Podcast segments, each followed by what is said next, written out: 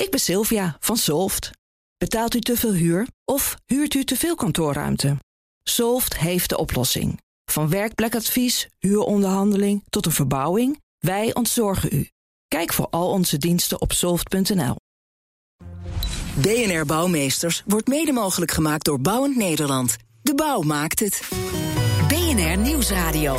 Zet je aan. BNR Bouwmeesters. Worden ook hier de wolken straks vaker gekieteld door Hollandse hoogbouw? Jan Posma.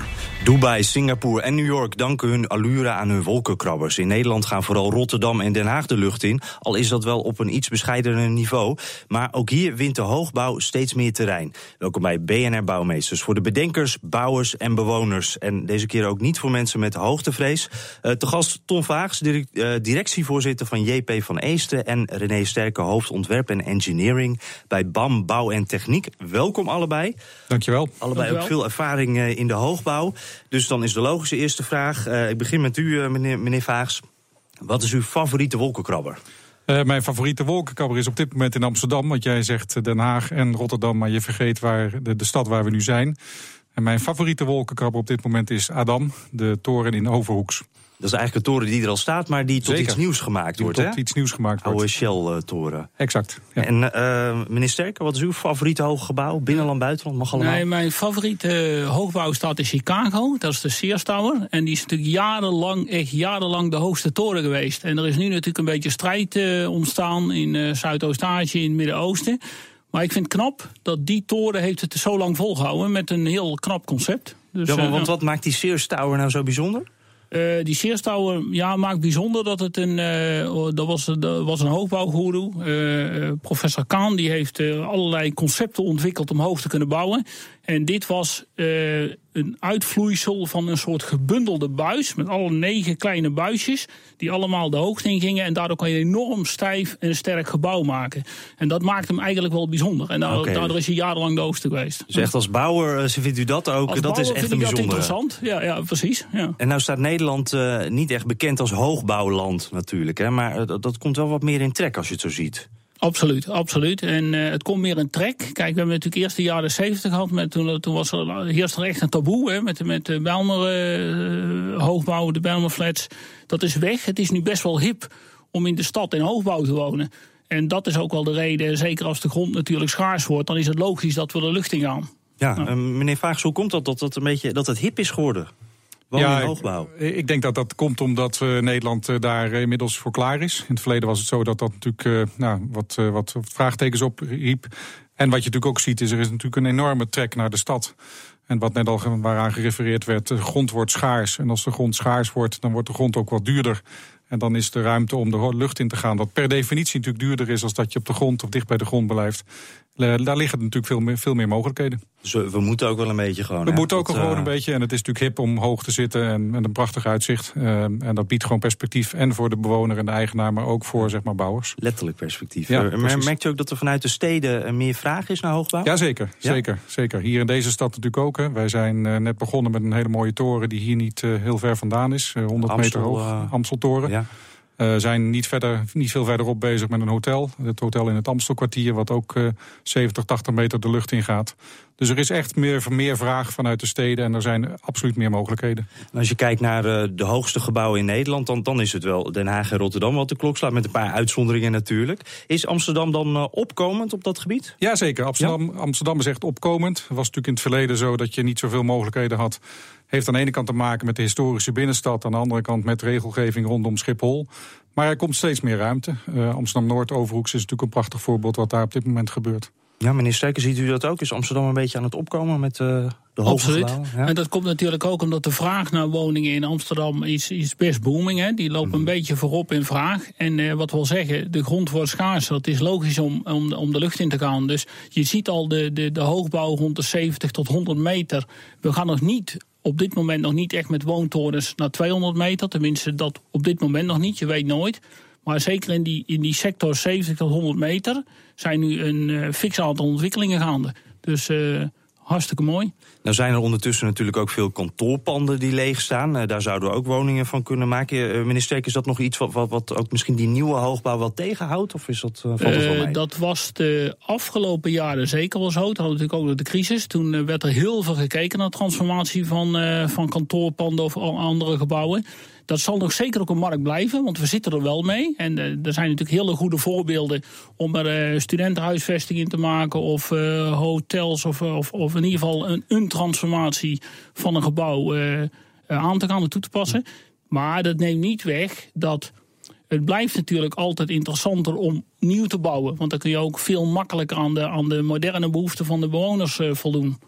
Ja. ja, we hebben het nu vooral over bewoners natuurlijk. Maar meneer Vaags, uh, uh, we kennen natuurlijk de hoge gebouwen, pardon, vooral als, als de kantoorpanden.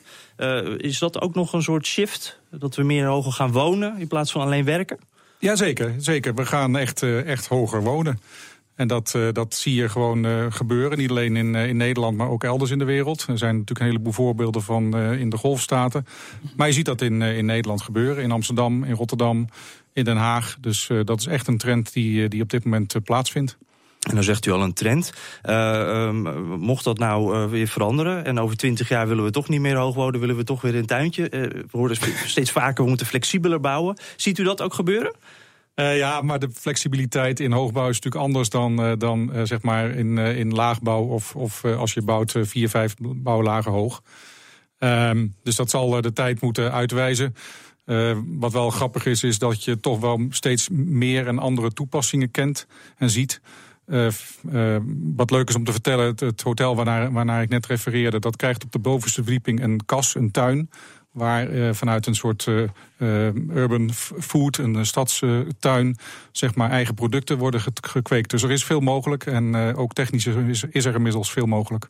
durven we daar in Nederland ook inmiddels wat meer mee? Is dat, daar durven we meer mee, ja. Wij zijn op dit moment bezig met de bouw van een hoog gebouw in Rijswijk. Dat is 110 meter hoog en 150 meter breed, lang. En dat wordt volledig in staal en glas uh, opgetrokken. En dat is eigenlijk een bouwmethodiek die in het buitenland al heel veel is toegepast, maar hier in Nederland eigenlijk nog niet. Dus we durven meer. En de technologie helpt ons daarbij. Wat ook natuurlijk speelt is dat we veel gebouwen tegenwoordig eerst uh, digitaal maken via onze computer voordat we ze daadwerkelijk realiseren. En dat biedt ook meer mogelijkheden. Ja, ja dus de, door de techniek die voortschrijdt, durven wij als bouwers uh, ook meer. Ziet u dat ook, meneer Sterken? Absoluut. Ja? Kijk, eh, de, we hebben toch wel de afgelopen 30 jaar een behoorlijke ontwikkeling gehad in, uh, in de materiaaltechnologie. Uh, staal is natuurlijk van oudsher natuurlijk een materiaal wat, wat vaak toegepast wordt, omdat het een relatief met een klein oppervlak kun je grote kracht opnemen. Je zit natuurlijk altijd met je netto bruto uh, vloeroppervlak. Netto bruto, het moet wat opleveren. Het, het, moet, je mag niet te veel, uh, je gaat de hoogte in, dus je, je hebt nogal wat materiaal nodig om het te maken. Dus dat gaat de kosten van je netto vloeroppervlak. Daar oh, is natuurlijk ja. een slag in gemaakt, omdat we dus door dat wij materialen met hogere kwaliteiten kunnen we die, die, die dikke kolommen kunnen we beperken. En dat is natuurlijk kunstig, ook voor de ontwikkeling van opbouw. Wat je ook nu ziet, wat ik zelf ook interessant vind, is de nieuwe lifttechnieken. Je hebt nu bijvoorbeeld een, uh, ze doen proeven met een nieuwe inductieliften. Die kunnen zowel verticaal als horizontaal be bewegen. Mm -hmm. Er zitten geen kabels aan, dus je kunt ook met meerdere liften in één schacht. Is, is ook een een tendens die, die heeft heel veel potentie voor de toekomst. Want dat is, ik begrijp dat is iets wat in Duitsland al getest wordt. In Duitsland worden dit jaar de eerste proeven genomen in een, uh, in een uh, toren van 24 uh, verdiepingen. En uh, daar wordt getest hoe het werkt en of het werkt. Maar als het, zo, als het werkt kun je dus ook twee torens naast elkaar... kun je met de lift zowel verticaal de lucht in, horizontaal bewegen... en in de volgende toren doorgaan. Dat dan wordt het eigenlijk een soort tremmetje of een soort ja, metro ja, door het gebouw heen. Dat is natuurlijk wijs interessant. Dat zijn nieuwe technieken die voor de hoogbouw... het neemt minder ruimte in, er kunnen meer mensen in... het kost minder energie. Het, in potentie ziet, het, klinkt het heel goed. Ja, Deze, daar wil ja. ik zo ook nog wel even verder met u over hebben. is nog even dat, dat enorm mooie penthouse waar gisteren, wat gisteren in de nieuw was, 16 miljoen. Gaan we dat meer zien in Nederland, meneer Vaags? Dat soort hogere segment, financieel gezien dan? Uh, dat weet ik niet. Kijk, de woningbouwmarkt zit natuurlijk heel nadrukkelijk in de lift. Alleen wij zeggen wel in de sector, Amsterdam is niet de norm voor Nederland. Dus, dus, Beetje uitzondering, hè? Dat zijn toch wel uitzonderingen die, die denk ik beperkt zullen blijven in, in, in Nederland. En daar neemt Amsterdam natuurlijk het voor, voortouw in. Want ik heb nu wel het beeld van die hoogbouw, de, de hippe hoogbouw noem ik het dan maar even... dat dat wel wat voor het hogere segment is en dat dat voor de mensen met wat meer geld is. Is dat ook zo? Ja, dat denk ik wel. Hoogbouw is natuurlijk duurder dan laagbouw. Laten we daar gewoon eerlijk over zijn. Mm -hmm. Daar moet je gewoon voor betalen. Daar moet je gewoon voor betalen. Nou. In Saudi-Arabië bouwen ze een toren van een kilometer hoog. Wanneer gaan wij echt de hoogte in? BNR Nieuwsradio. Zet je aan. BNR Bouwmeesters. De afgelopen vijf jaar is het aantal superhoge wolkenkrabbers, dan hebben we het over 300 meter of hoger, in de wereld verdubbeld. Ze worden steeds sneller gebouwd ook. Waar we over de eerste 50 wolkenkrabbers nog zo'n 80 jaar deden, werden de volgende 50 in maar vijf jaar gebouwd. Hierover praat ik verder met mijn gasten. Ton Vaags, directievoorzitter van JP van Eesteren. En René Sterke, hoofdontwerp en engineering bij BAM Bouw en Techniek. Meneer Vaags, uh, uh, u refereerde er al even aan de Amstel Tower, uh, die hier tegenover wordt gebouwd. Die moet zo'n 100 meter hoog worden. Ho hoe lang doe je erover om dat te bouwen? die gaan we denk ik binnen twee jaar opleveren. Dus dat is denk ik relatief snel. Ja, vooral als je het vergelijkt met 30 jaar geleden, ja, denk ik. dat zeg je net inderdaad. Maar daar is, dan is de wereld heel erg veranderd. Ja, dat klopt. En nou is dat natuurlijk een locatie in de stad. Ik kan me voorstellen dat dat ook heel wat logistieke uitdagingen met zich meebrengt. Ja, dat is een hele uh, grote uitdaging. Ten eerste is het eigenlijk een postzegeltje. Je zit naast het station en aan de andere kant natuurlijk ook naast uh, de trein, uh, de treintracé. logistiek is sowieso een issue bij, bij hoogbouw. Dat is natuurlijk iets wat, wat eigenlijk heel belangrijk is. Uh, heel simpel voorbeeld, als een lift omhoog gaat, dan is het goed als mensen daarin staan. Maar als die lift naar beneden gaat en er zit niks in, dan doe je het niet, uh, niet efficiënt. efficiënt ja. uh, dat zijn hele simpele dingen die daarin een rol spelen. Water omhoog brengen, stroom omhoog brengen. Uh, ervoor zorgen dat als mensen op, op grote hoogte werkzaam zijn, dat ze voor zeg maar hun schaftvoorziening of hun toiletvoorziening niet naar beneden toe moeten. Eigenlijk creëer je, als je naar boven gaat, een soort tweede bouwbedrijf op hoogte om dat werk efficiënt te kunnen uitvoeren. Meneer Sterk, is dat ook de grootste uitdaging bij de bouw van uh, iets hoogs? Ja, de, absoluut. De, de, het, met name de logistiek, die bepaalt het succes, het succes van hoogbouwen. Met name ook de, de, het verticale transport. Dat is erg uh, kritisch. Wij zien altijd, jullie zien altijd op de, op, op de bouwwerken de kranen staan. Hè? Mm -hmm. Maar je kunt op een hoogbouw natuurlijk maar beperkt kranen zetten. Vaak twee, dan houdt het op, want dan zitten ze in elkaars bereik. Dus wij streven ook naar een soort kraanonafhankelijke bouwsystemen zodat we meer verticaal kunnen transporteren in dezelfde tijd. En dat bepaalt samen met de logistieke aanvoer van de materialen, wat we vaak doen, just in time, fit for use. Dus geschikt voor gebruik en precies op tijd. Ja. Dat betekent dat je alles direct verwerkt. En dat betekent ook dat je het heel goed moet organiseren. Want er hoeft maar iets mis te lopen en je hele bouwstroom ligt stil. Ja, hele strakke schema's. En dat is dus een uitdaging. En daarin kun je dus ook weer veel, uh, wat Ton al zei met BIM, kun je natuurlijk ook veel doen. Eerst virtueel alles bouwen en, en uh, plannen. En daarna buiten pas aan de slag gaan. Dus dat zijn ook zeer goede hulpmiddelen erbij. Meneer Vaags, uh, als we het hebben over gewoon puur hoogte. Hoe hoog zouden we kunnen gaan in Nederland? Uh, dat, dat weet ik niet. Uh, kijk, als je naar de toren kijkt die we net uh, bespraken, dan is die toren ruim 100 meter hoog, de Amsteltoren hier in Amsterdam. Internationaal nog bescheiden. Dat is internationaal zeer bescheiden. Daar zitten wel palen onder van 55 vierkante meter. Dus er zit bijna de helft wat er, van wat er boven staat, zit er ook onder. De ijsberg, ik, ja. ja. precies. Ik weet dat er in Rotterdam plannen zijn van, voor een toren die richting de 200 meter gaat. Dus dat is heel erg locatie onafhankelijk. Ik denk te kunnen stellen dat de techniek ons niet, niet gaat hinderen om, om echt de hoogte in te gaan en hoger dan 100, 100 vierkante 100 meter. Ja, toch zie ik het hier nog niet. Wat houdt nee. ons dan tegen? Toch die grondprijs die nog niet hoog genoeg is? Dat zou kunnen. En ik denk ook dat er nog, ja, er is dus nog geen behoefte voor. Hè. Uh, en uh, uh, ja, misschien is dat ook de ervaring die in Nederland nog op dat, op dat gebied beperkt is. Dus. En ik heb begrepen dat er ook andere regels voor bijvoorbeeld kantoren zijn uh, in Nederland, qua daglicht, uh, dat ja, soort zaken. Ja, maar dat geldt ook voor hoogbouw. Als je omhoog gaat, dan kom je op een gegeven moment in andere regelgeving terecht. Dat is natuurlijk logisch, want het heeft te maken met, uh, met ook zeg maar de, constructieve opzet van het gebouw. En het heeft ook met te maken met allerlei andere regelgeving die daar van toepassing is. Mm -hmm. ja. uh, minister in Zuidoost-Azië, het Midden-Oosten, Amerika natuurlijk. Noem u zelf ook al Chicago. Da da daar is toch een stuk meer hoogbouw. Hoe, hoe, die kennis die ze daar hebben, maken wij daar ook gebruik van? Absoluut. Ja, ja? In, in het verleden zeker. Toen we zijn 30 jaar geleden echt begonnen met hoogbouw. Toen hebben we zeker gekeken naar Zuidoost-Azië en, en de Verenigde Staten hoe daar gebouwd wordt. Misschien mag ik nog even aanvullen op die vraag van is er andere regelgeving? Wat natuurlijk anders is in Nederland dan bijvoorbeeld in de Verenigde Staten. In Nederland is verplicht dat als wij werken daglicht hebben. Dus je moet werken, iedereen moet, als ze althans langere tijd werkzaam zijn in een ruimte, moeten ze daglicht hebben. In Amerika is dat niet zo. Dus je kunt in Amerika maken ze veel diepere torens. Dus je kunt je voorstellen, er zijn torens van 60 meter diepte. Als je dan met een hoogte-breedte 1 op 8 bouwt, kun je in één keer 500 meter hoog bouwen. In Nederland werken we vaak, nou zeg een kern 9 meter, twee ruimtes nog van 9 meter, heb je 30 meter of 35 meter. Doe dat eens maar 8, dan zit je op 240 meter. Dus de regelgeving in Nederland bepaalt wel hoe hoog we kunnen komen, maar technisch kunnen we alles. Dus technisch kunnen ja, ja. we in principe als fundatie kun je op 50 meter gaan staan. En dan kunnen wij in principe ook een toren van 600 meter bouwen in Nederland. Dat, dat, dat, dat, dat lukt. Technisch. Maar het moet toch mogelijk zijn, ook technisch, om, om een toren te bouwen waarbij toch uh, het juiste aantal raampjes is. En, en, waarbij we toch aan die regels kunnen voldoen? Of is dat toch moeilijk? Jawel, dat kan wel. Maar je moet wel. De inpandige ruimtes zijn, zijn qua verhuurbare uh, prijs liggen gewoon lager. Dus je, het is toch zo dat wil je uh, voor je prijs is het gunstig om natuurlijk veel geveloppervlakte hebben met, met, met ramen. Mm -hmm. En dat bepaalt wel en, en ja, voor een deel uh, de totale opbrengsten. Ja, uh, meneer, meneer Vaags, het zou toch wel prettig zijn als die regels dan ietsje makkelijker zouden zijn, toch? Jazeker, maar wij zitten ook in Europees verband aan die regels. Hè? Dus het is niet ja. alleen Nederland, maar je komt ja. via zeg maar, het Nederlandse bouwbesluit... kom je ook heel snel bij Europese regels terecht. En ja, wij zijn natuurlijk niet alleen in Nederland. Dat, dat geldt voor andere Europese landen ook. En ik denk dat het een kwestie van tijd is dat er echt een hele hoge toren in Nederland komt. Precies. Uh, maar het heeft ook te maken inderdaad met regelgeving. En aan de andere kant heeft het ook te maken met ja, wat voor ruimte creëer je. En is die ruimte verhuurbaar of verkoopbaar? Mm -hmm. En biedt dat, biedt dat voldoende, voldoende, perspectief. En dus ook kun je daar uh, eigenlijk geld mee genereren om, het, om de bouw mogelijk te maken. En uh, meneer Vaag, zijn er nou specifieke ontwikkelingen in het buitenland die u in de gaten houdt? Of van u zegt, nou, daar gaan we wat aan hebben in Nederland? Uh, nou, wij, wij kijken wel heel nadrukkelijk naar nieuwe bouwmethodieken. Uh, wat al eerder werd gezegd, uh, bouwen in staal is natuurlijk nog niet zoveel toegepast in Nederland. En dat, dat gaat denk ik meer gebeuren.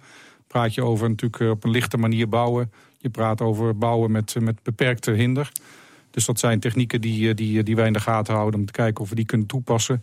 Daarnaast lopen we denk ik redelijk voorop als het gaat om het, om het digitaal bouwen. En, en daar ligt natuurlijk ook wel zeg maar een toekomst dat je steeds meer in het voortraject kunt bepalen wat nou de sterkte van een bepaald onderdeel van het gebouw zou moeten zijn.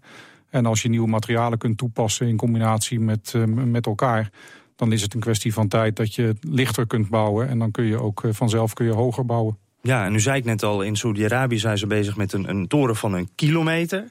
Uh, ja, dat klinkt ongelooflijk. Ik kan me voorstellen, uh, meneer Sterker, dat u dat toch ook uh, volgt. Wat voor technieken daar worden gebruikt. Ja, ja, maar dat is toch op zich nog wel redelijk traditioneel. Dat is niet zo dat ze daar nu echt technieken hebben die, waar wij nu direct van schrikken. toren.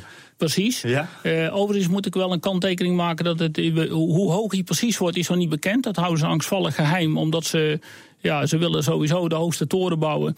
En ik heb wel begrepen dat het iets van het, uh, de hoogste laag waar, de, waar nog geleefd wordt is 650 meter. En de rest wordt een of andere piek die erop komt. Ja, ja. Dus dan nog is het een... Beetje kunstgreep ja, eigenlijk. precies. Dan nog is het een, een, een, een natuurlijk een, een, prachtige uitdaging.